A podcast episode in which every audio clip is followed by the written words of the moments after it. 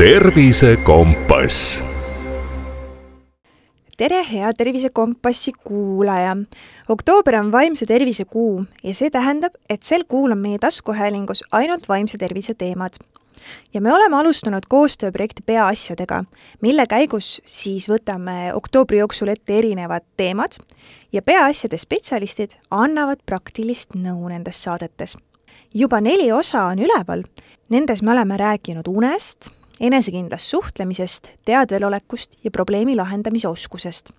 Neid saateid saab kuulata postimees.player.ee. aga täna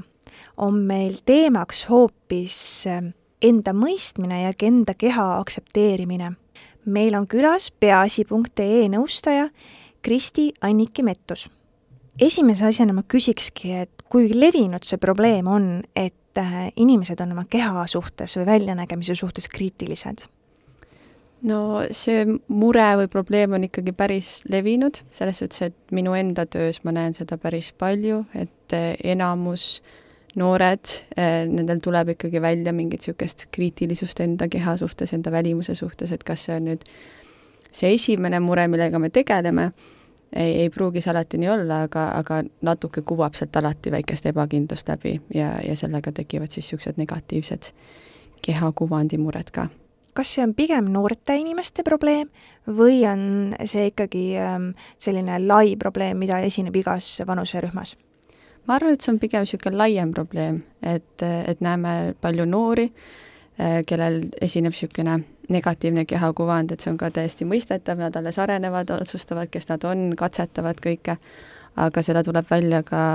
igas vanuses inimeste seast, et, et ise olen kogenud väga palju niisugust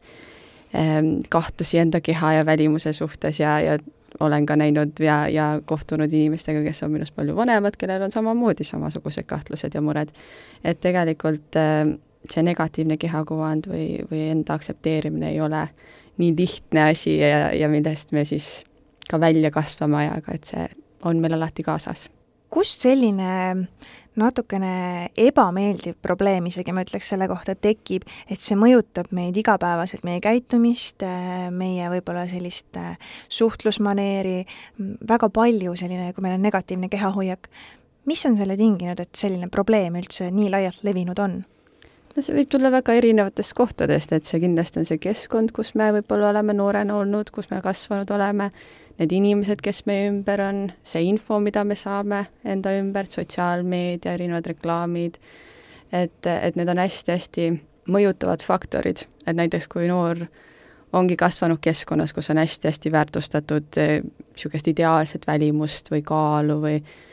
või keegi on öelnud väga noores vanuses, et sa oled ülekaaluline või et sul on akne näos ja see ei sobi mitte kuskile, on ju, et et siis need mõtted hakkavad kasvama ja kasvama ja kasvama, kuni sellega on väga keeruline toime tulla. et tegelikult neid põhjuseid on hästi, hästi palju inimesed jagavad tavaliselt sotsiaalmeedias oma väga helgeid hetki elust, mil nad näevad ilusad välja, nad on ilusas kohas, nad teevad ilusad pildid kui palju see mõjutab ja kuidas lasta ennast võib-olla mitte nii väga mõjutada äh, sellel sotsiaalmeedia ilusal kuvandil? no selles suhtes on väga positiivne see, et minu kogemusel noored on ikkagi väga teadlikud juba, et, et mis see info neile sotsiaalmeediast tuleb ja et see ei ole realistlik, et seal ongi väga palju valgus mängib ja, ja, ja töötlemine mängib rolli selles kõiges, et, et see kõik, mida nad näevad, ei ole realistlik see info ja, ja päris need äh, eesmärgid, mis sealt siis ka tekivad, ei ole nagu realistlikult äh, saavutatavad. aga äh, need kitsaskohad ikkagi tekivad, nad saavad sellest aru, aga et ikkagi ju tahaks vaadata neid kõiki asju ja see kõik tuleb meile nii suure hooga peale, et selles puhul tulebki olla kriitiline tarbija, et märgata, kes see sulle seda infot saadab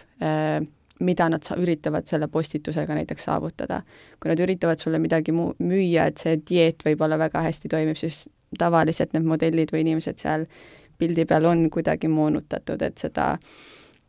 äh, klienti siis endale saada, on ju, või et, või ka mõelda see nende kuulsuste peale, kellel on ideaalsed kehad ja ideaalsed nahad ja mis iganes veel, et nendel on ju ka väga palju inimesi ümber, kes seda kõike aitavad saavutada, aga meie oleme kõik ühed inimesed, kes me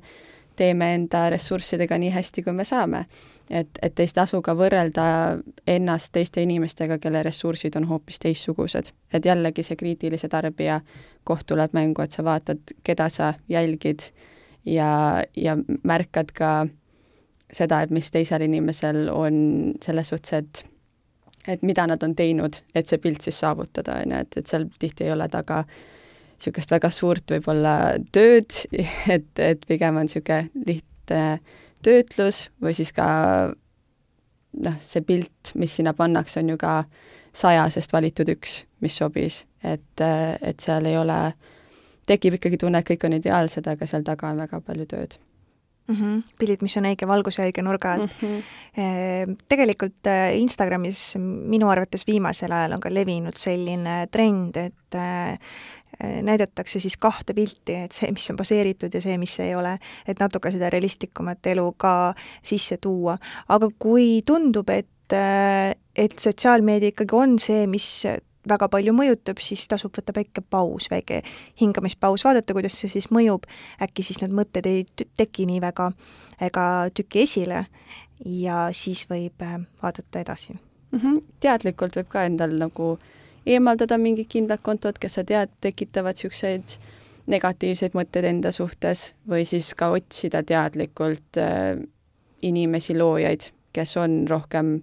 ma ütlesin ka vist keha positiivsed või näitavad ka seda teispoolsust, on ju. et, et tõesti, et kui palju läks aega selle ideaalse pildi saavutamisele. et see on ka hästi oluline, et, et me näeksime kõiki inimesi maailmas, et ei ole ainult üks see nii-öelda ideaal, vaid et me kõik näeme erinevad välja ja, ja kõik kehad on ju ilusad. kuidas see negatiivne kehakuvand äh, elu üle võtab? no keha, negatiivne kehakuvand mõjutab siis äh, meil suhteid teiste inimestega, mõjutab meie enda tuju, äh, mõjutab, võib mõjutada ka niisugust finantsseisu ja, ja ka füüsilist tervist, et, äh, et kui me hakkame hästi võib-olla üle väärtustama enda välimust ja, ja muretsema enda keha pärast, et siis tekib niisugune ülemõtlemine, hakkame hästi palju kontrollima ennast ja, ja enda välimust ja enda keha, võib-olla kaalume ennast väga palju, vaatame ennast hästi palju peeglist, hakkame dieete pidama või üle treeni, treenima ennast, hakkame vältima mingeid olukordi või, või ainult käima olukordades, kus me tunneme ennast hästi-hästi mugavalt, et, et väldime igasugust niisugust ebameeldivust, et et kus keegi võib meile valesti öelda või et kus keegi märkab, et me tunneme ennast ebameeldivalt et ja sellega me kaotame ka ju võimalusi, on ju, et võimalusi, kus me võime positiivset niisugust kogemust äh, kogeda ja võib-olla noh, kanname riideid võib-olla, mis ei ole kõige mugavamad. see välimuse teema on selles mõttes väga keeruline, sa just tõid välja väga palju erinevaid aspekte,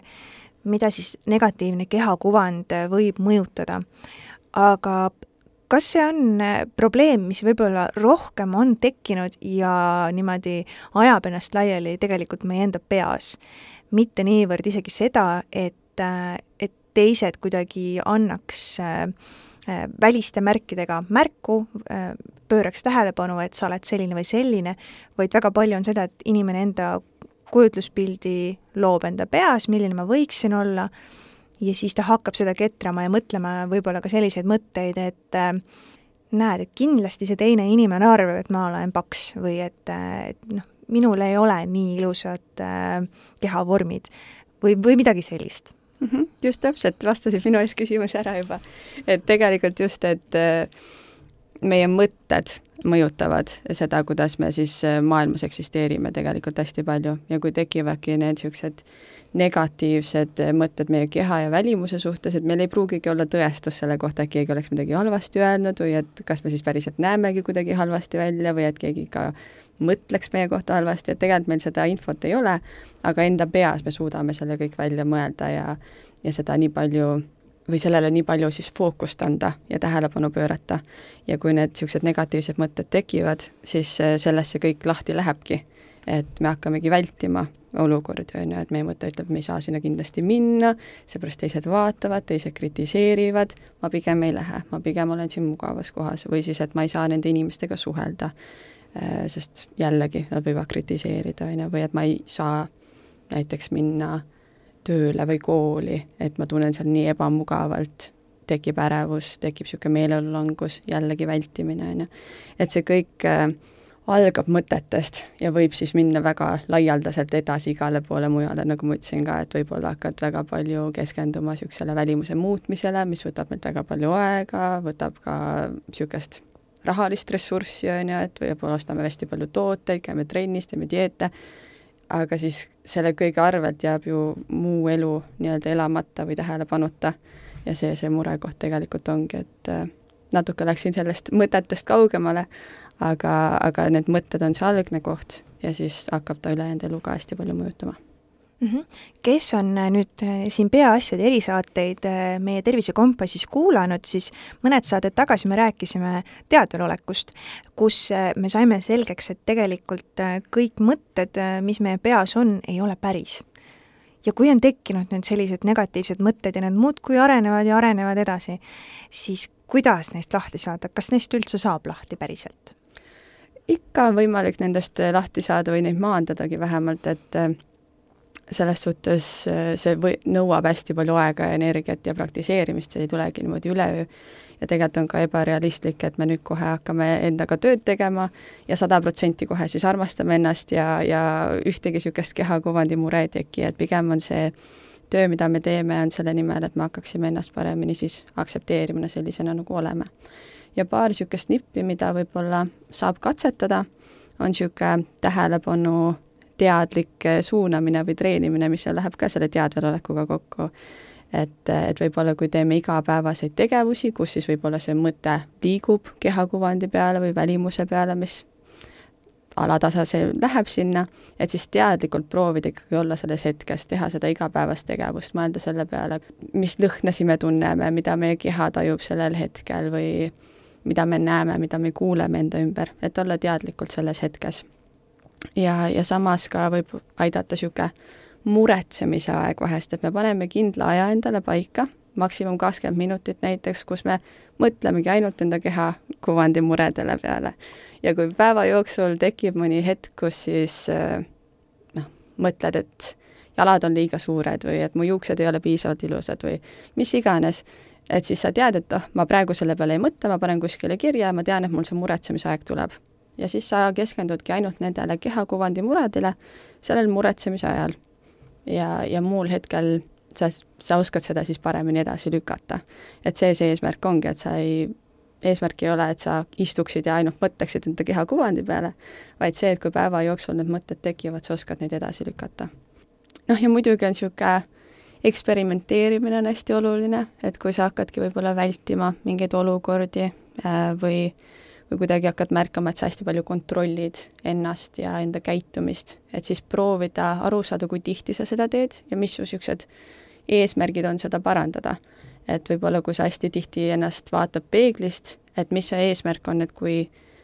kuidas sa samm-sammult üritad seda vähendada, et kas sa eemaldad mingid niisugused peegelduvad asjad enda kodust või et kui sa teadlikult näiteks äh, väljas käid ja näed, et seal on niisugused äh, peegelduvad asjad, millest sa võid ennast vaadata, ennast kontrollida, sa teadlikult pöörad pilgu sellest ära, on ju. või siis ka näiteks, kui on mingid kindlad kohad, kus sa oled vältinud käimist, siis samm-sammult jälle proovid sinna tagasi minna, kas lähedki sõpradega koos. oluline on enda jaoks mõtestada, mis su enda eesmärgid on ja siis vaikselt hakata selle poole siis tööd tegema või sellega tööd tegema, et sa saaksid jälle kõiki neid teisi eluvaldkondi samamoodi nautida ilma nende muremõteteta. siin sai nüüd kokku päris mitu vahvat äh, ja väga kasulikku soovitust minu jaoks äh, natukene muigama panev ka see, et, et muretsemise jaoks võtta päev kindel aeg, mitte kulutada sellele liialt aega, aga võtta see, nagu sa ütlesid, maksimaalselt, maksimaalselt kakskümmend minutit, et äh, see on tõesti see koht, kus ma võin neid äh, mõtteid mõelda. et kindlasti tasub kasutada, et noh, muidu ju räägitakse sellisest rahunemisest, et võtan kakskümmend minutit rahunemiseks ja, või tänulikkuse harjutus, et aga, aga võtta, proovigem siis ka sellist muretsemise väikest ajakest endale sättida, kui see on vajalik muidugi mm. -hmm kui palju peaks või kas üldse peaks proovima ka sellist enda vastu leebe olemise varianti, kus ma ütlengi endale hästi, ma ütlen selle välja, et ja ka võib-olla siis vastupidi, et kui mul on mingid muremõtted, ma ütlen selle peast välja, et kuulata, et kas see sõnades kõlab üldse realistlikult mm. -hmm. jaa, kindlasti, et mida rohkem sa endale ütled neid positiivseid asju, seda rohkem hakkad sa ise seda ka uskuma, on ju, et võib-olla vastupidiselt, kui me vaatame ju pidevalt neid niisuguseid uudiseid, mis on negatiivse sisuga, siis meil tekibki see tunne, et maailm on väga hirmus ja kole ja ei, ei taha üldse nagu sellega tegeleda, on ju, aga mida rohkem sa võib-olla vaatad ka neid positiivseid asju, ka sotsiaalmeediast võib-olla otsid niisuguseid äh, inimesi, loojaid, kes on rohkem kehapositiivsed, siis sa hakkad seda ka iseendale sisestama rohkem ja kui sa oled endale mõtestanud ka, mis on sinu võib-olla väärtused, mille üle sa tänulik oled, ja igapäevaselt endale seda meelde tuletad, siis on seda endal ka kergem uskuda. ja, ja see teine poolsus ka, et kui sa ütled välja need negatiivsed mõtted, mis sul peas on, teevad selle palju realistlikumaks ja siis tekib ka see tunne, et aga miks ma endale neid asju ütlen, et tegelikult see ei ole ju tõsi või et see on ka, või vahest nagu see kõlab välja öeldes palju inetumalt, kui see enda peas oli. ja siis tekib ka niisugune kurbuse tunne, et aga et noh,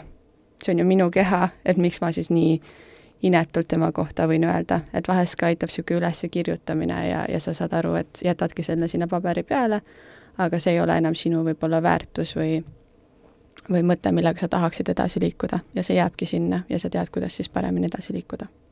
mm. -hmm. kui sa tõid väga mitu head näidet, kuidas saaks ise enda siis äh, sellist ähm, keha, äh, enda mõtteid äh, positiivsema kehakuvandi poole suunata, siis kas sul on ka mingeid soovitusi, kuidas saaks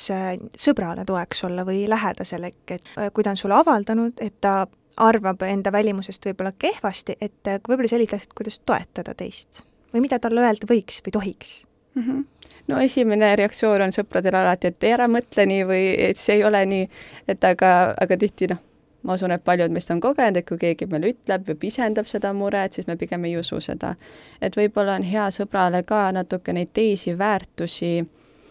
üles tõsta või, või neid tugevaid külgi sellel inimesel üles tõsta. et, et tihti me oleme ju palju enamad kui lihtsalt meie välimus või, või meie keha. et seal on ka palju teisi tugevaid külge ja inimesel on ka palju muid väärtusi, millele oleks hea tähelepanu pöörata. ja sõbrana ma arvan, see ongi kõige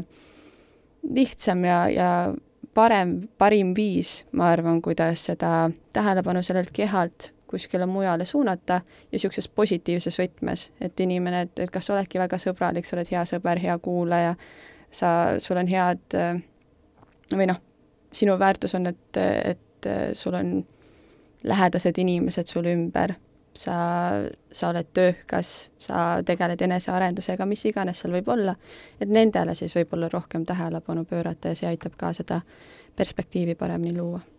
kust abi saada, kui on tekkinud sellised äh, negatiivsed äh, mõtted oma kehakuvandi kohta? no kõige lihtsam ja, ja niisugusem ohutum viis on alati peaasjadesse pöörduda, peaasjade nõustamisse, mis on äh, tasuta ja, ja me seal kaardistame ka neid suuri murekohti, et võib-olla kas see kõige suurem murekoht on just kehakuvand, aga alati sealt midagi välja koorub, on ju, ja, ja kas siis vaatamegi, kas me tegeleme nende mõtetega või käitumisega, aga kindlasti saame ka analüüsida või, või inimene saab koos nõustajaga koos siis analüüsida neid väärtusi ja tugevusi ja, ja selle keha funktsioone ka, et paremini ennast mõista. kõik kehad on ilusad ja seda mõtet tasuks kohe võib-olla natukene pikemalt mõelda, et äh, me olemegi looduse poolt erinevate juuksevärvidega, kehakujudega, silmavärviga ja nii edasi, et, äh, et see on täiesti loomulik asi. aga suur aitäh sulle, Kristi, et sa tulid ja rääkisid äh, sellisest väga, väga põletavast teemast, mis vahel vajab natukene rohkem tähelepanu ja vajabki rääkimist. nii et aitäh sulle! aitäh sulle! Tervise Kompass